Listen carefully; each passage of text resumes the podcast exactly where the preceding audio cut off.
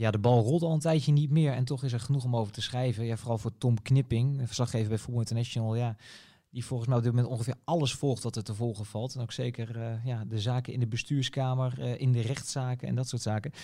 Tom aan de telefoon. Uh, niet jouw rustigste periode, denk ik, hè? nee, er valt genoeg te schrijven, kunnen we wel zeggen, ja. Klopt, ik heb onder andere financiën in mijn pakket. Ja, daar zijn we wel, kunnen we ons behoorlijk in mee uitleven natuurlijk tijdens deze crisis. Precies, precies. Nou, het is eigenlijk tijd weer voor een, voor een update. Want zoals ik al zei, de bal rolt een tijdje niet meer. Maar ja, er, gebe er, gebeurt van alles.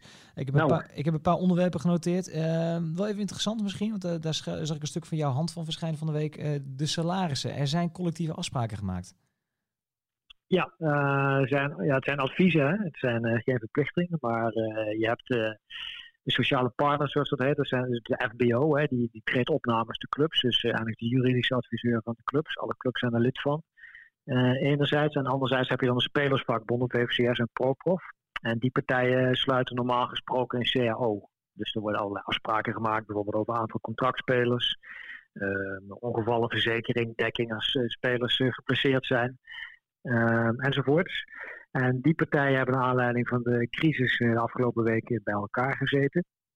En zij zijn eh, eigenlijk als eerste in het betaalde voetbal met een solidaire oplossing eh, gekomen. En zij adviseren onder andere om collectief de salarissen te verlagen.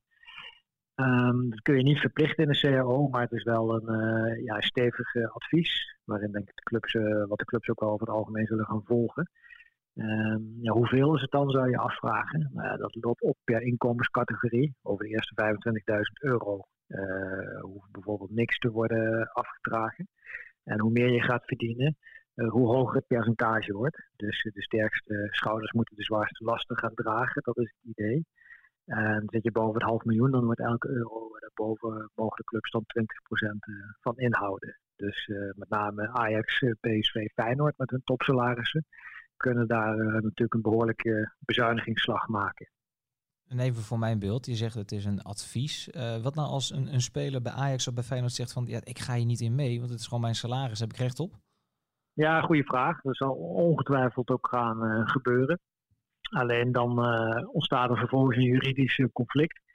Een arbitragecommissie of een rechter die neemt afspraken zeg maar, tussen de sociale partners wel heel serieus. Dus als, uh, ik bedoel, FBO opereert namens de clubs en de, de twee spelersvakbonden namens alle spelers. En als zij gezamenlijk tot een akkoord zijn gekomen, wat ook vooraf is voorgelegd aan de Centrale Spelersraad, uh, dan zal een rechter daar niet zomaar, uh, of niet, die zal het wel heel serieus nemen. Ehm, dus ja, er zullen spelers zijn die je niet mee akkoord gaat. Maar anderzijds is het denk ik ook wel een bescherming voor spelers. Want in andere landen heb je veel ja, draconischere maatregelen gezien. Hè. De spelers van Barcelona bijvoorbeeld hebben 70% moeten inleveren. En in Frankrijk leveren de grootverdieners 50% in. Um, dus er zijn ook wel behoorlijk wat voorbeelden van clubs die uh, ja, veel forser korten dan die uh, maximale 20%. En voor spelers die minder verdienen is het dus ook ja, een, een, een lager percentage. Dus er zit ook al bescherming in voor spelers dat clubs ook niet zomaar uh, ja, lukraak uh, gigantisch hoge uh, bedragen kunnen gaan inhouden. Ja, wat me opvalt in wat jij zegt, is dat dit eigenlijk de eerste keer is dat er een, een ja, solidaire oplossing gekomen is. Of in ieder geval een voorstel gedaan is deze periode. Ja, want tot nu toe, sinds de crisis is uitgebroken, is natuurlijk vooral heel veel ruzie hè, tussen de KNVB en de clubs. En de clubs onderling die het ja, bijna nergens over eens zijn. Er zijn nog weinig oplossingen gekomen, eigenlijk nog geen noodfonds, uh, nog geen noodmaatregelen. De clubs hebben dat allemaal niet voor elkaar gekregen. En van de week met die uh, collectieve salarisverlaging is dat inderdaad voor het eerst gebeurd. Uh, er zitten overigens ook nog een aantal andere afspraken hoor, in het pakket. Bijvoorbeeld wat voor de eerste divisie denk ik wel relevant is, is dat ze volgend jaar maar 14 contractspelers hoeven te hebben. En dat zijn er normaal 16. Dus daar kunnen eerste divisieclubs bijvoorbeeld bezuinigen. Um, over de niet-EU-salarissen uh, is afgesproken dat die komend jaar in ieder geval niet gaan stijgen. Die moeten dan met 4 ton nog steeds vorstelijk verdienen, maar normaal gaat dat behoorlijk omhoog ieder seizoen. Is nu dus niet het geval. Uh, nou, zo zijn er nog een aantal voorbeelden. Ik zal niet alles opnoemen, maar er is ook een heel pakket uh, aan, aan, maatregelen. En tegelijk is de CAO ook verlengd tot 2023. Dat is voor spelers wel belangrijk, want die liepen eigenlijk in 2021 af. Um, nou is het in een crisis als deze natuurlijk heel moeilijk om begin volgend jaar te gaan onderhandelen over CAO. dus het goede voor de spelers is wel dat die nu met twee jaar is, is verlengd. En ja, dat is toch wel eigenlijk een onmerkelijk ja, signaal. En als je dat afzet tegen wat er verder allemaal gebeurt bij de KVB en binnen de Eredivisie. Ja, de helder. Eén puntje wil ik uitpikken. Je hebt het over die eerste divisie, die 14 contractspelers. Krijgen we dan niet zo meteen een competitie met uh, heel veel amateurs? Want dan, dan kiezen clubs ervoor om 14 jongens uh, onder contract te nemen. En dan de rest van de bank wordt gevuld met ja, uh, jongens van ja, 17, 18. Ja, maar dat, dat, is in feite zo, Stef. Want je hebt nu, ja, je hebt nu inderdaad, je moet minimaal 16 contractspelers hebben. Maar dan heb je het over het minimum salaris wat zij moeten verdienen. Dus ja, met, met een minimumsalaris in Nederland, dat is eigenlijk onvoldoende om alles van te betalen. Dus het is al een soort veredeld amateur voetbal. Hè. Bij topamateurs verdien je soms uh, beter dan de, beste, of de, de minst betaalde spelers in de, in de eerste divisie. Um, dus vandaar ook die eis om in ieder geval minimaal 16 spelers uh, het minimum salaris te laten verdienen. Omdat de angst al was sowieso bij de vakbond. Maar als we zo'n eis niet in de CAO zetten, dan wordt de eerste divisie eigenlijk een soort veredelde amateurafdeling. Um, maar ja, goed, nu gezien die crisis zeggen ze toch oké, okay, we gaan tijdelijk terug naar 14. En dan de komende twee jaar worden ze vervolgens weer opgeschroefd naar 16. En dan moet het over twee jaar weer op het oude niveau zijn. Um, ja, je hebt gelijk. Het, uh, de clubs die zullen hier natuurlijk ongetwijfeld gebruik van gaan maken. Dus ja, het, het, zal nog meer semi-prof uitstraling hebben dan het al, dan het al heeft, de eerste divisie. Want ja, een jaar of 10, 15 geleden had je in de eerste divisie best wel veel spelers die bijvoorbeeld boven de 100.000 euro per jaar verdienden. En uh, ja, dat geldt nu nog maar uh, voor, voor een enkeling. Die salarissen zijn al enorm teruggegaan naar de laatste jaren. Volgens mij heb je zelf ook laatst een artikel over gemaakt. Het gros eh, verdient gewoon eh, maximaal 25.000 euro. Als je met een modaal salaris, dat is momenteel volgens mij rond de 35.000 euro in Nederland. Als je dat in de eerste divisie verdient, dan heb je eigenlijk een goed contract. Want er zijn heel veel spelers die minder verdienen. Ja, ja precies. Nee, dat klopt. Dat is inderdaad zo. Wat ik, uh, Tom, wat ik interessant vind, jij uh, geeft aan dat nu eigenlijk collectief in ieder geval iets, iets geregeld is. Uh, wij lazen vanochtend een reactie van Klaas Dijkhoff, fractievoorzitter van de VVD, ja, die eigenlijk dit punt aanstipt en zegt van jongens, voetballerij, kom eens gezamenlijk met plannen, kom eens met iets. Is dat ook wat jou een beetje steekt? Nou ja, jij stipt Dijkhoff stipt het aan, maar Dijkhoff gaat eigenlijk met gestrekt been in. Um, hij heeft het over uh, in de, in, de, in de Eredivisie of in het betaalde voetbal. Ja, wat gebeurt is, betaalde voetbal uh, staat op de stoep in Den Haag. Ze hebben een brief uh, geschreven. Het gaat over een hoog inkomstenverlies van 300 tot 400 miljoen euro in het komende jaar. En hebben een beeld geschetst dat dus de hele sector eigenlijk op omvallen staat. Uh, nu is uh, de, de, KNVB natuurlijk niet de enige die aanklopt in Den Haag, maar het staat een rijen dik met allerlei sectoren die het heel erg moeilijk hebben.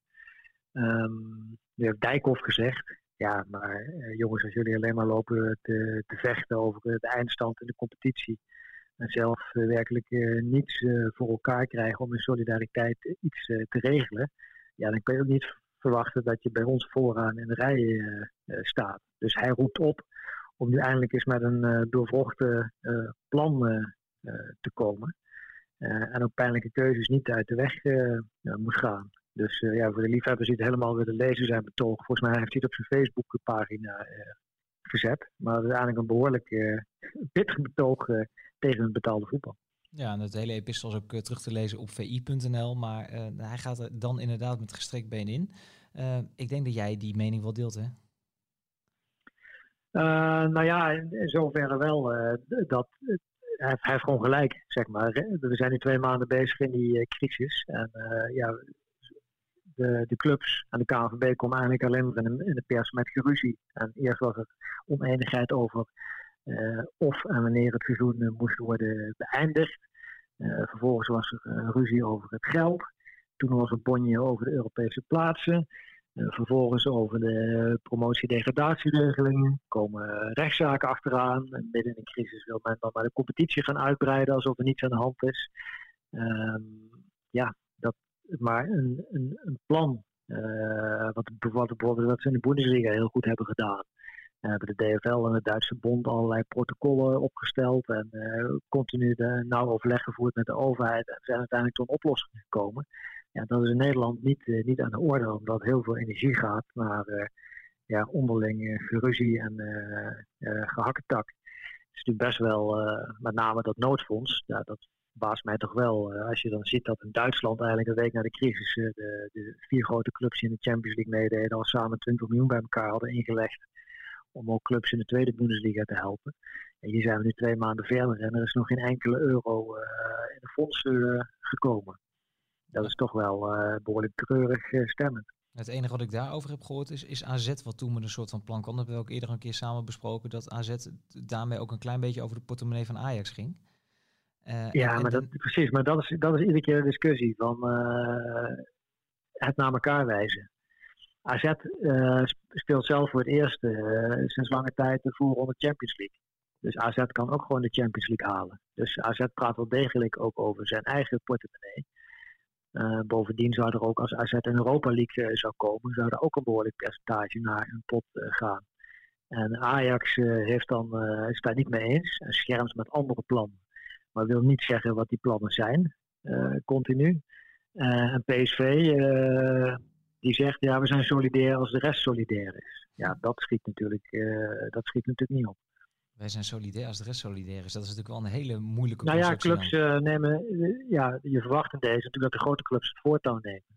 Maar ja, dat, dat gebeurt niet.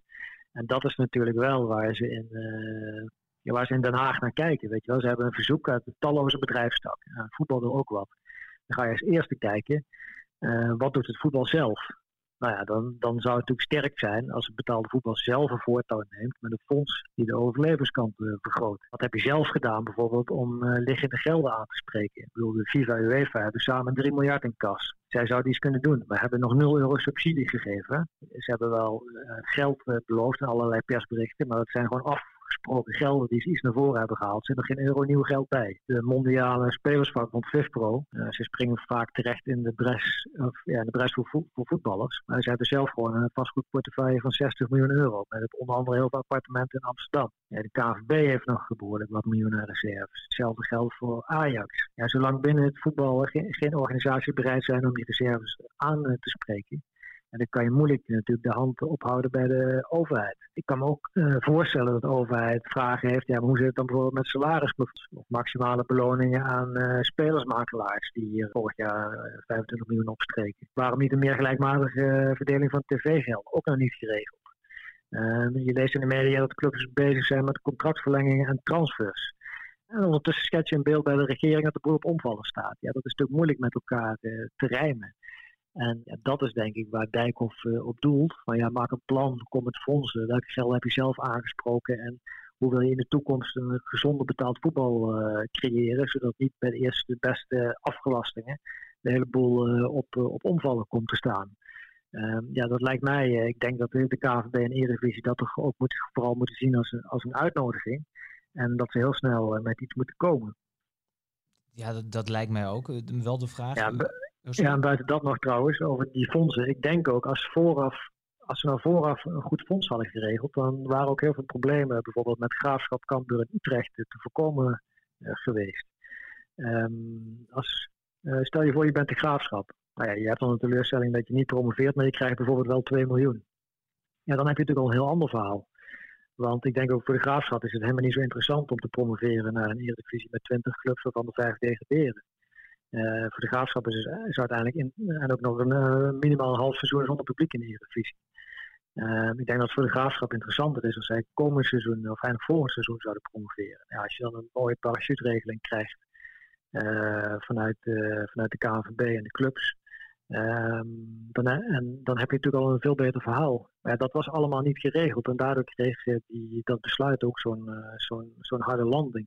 Want ja, je hoort de Graafschap, Cambuur en Utrecht, je hoort ze de hele tijd zeggen, oké, we willen promotie of we willen Europees voetbal. En in dezelfde zin gaat het nog over de compensatie. Ja, dat had eigenlijk vooraf geregeld moeten zijn. Maar ja, de KNVB heeft alleen een oproep gedaan aan de Europees spelende clubs om een kwart van de premies af te staan. Eh, maar die clubs, ja, die zeggen, ja oké, dat doen we niet. Uh, de KNVB uh, komt zelf ook niet uh, dan met een, met een fonds. Ja, dan, dan houdt het al heel snel weer op. Hè. Ja, maar dan, proef ik dus dat de, de topclubs uh, nemen niet de leiding. Wat in het verleden misschien wel was gebeurd in de tijd met, met Harry van Rij, Michael van Praag, Jurien van der Herik. Uh, bij de, dus wat kritiek op de KVB, bestuur betaald voetbal. Uh, en ik heb ook de indruk dat de ECV en de CED, de, de coöperatie Eerste Divisie en de, de coöperatie voor de e Eredivisie, dat dat op dit moment ook niet de sterke leiders zijn die nu zeggen wij gaan namens de clubs even beleid maken. Nee, maar dat blijkt binnen de ECV en de CED blijkt het iedere keer hoor.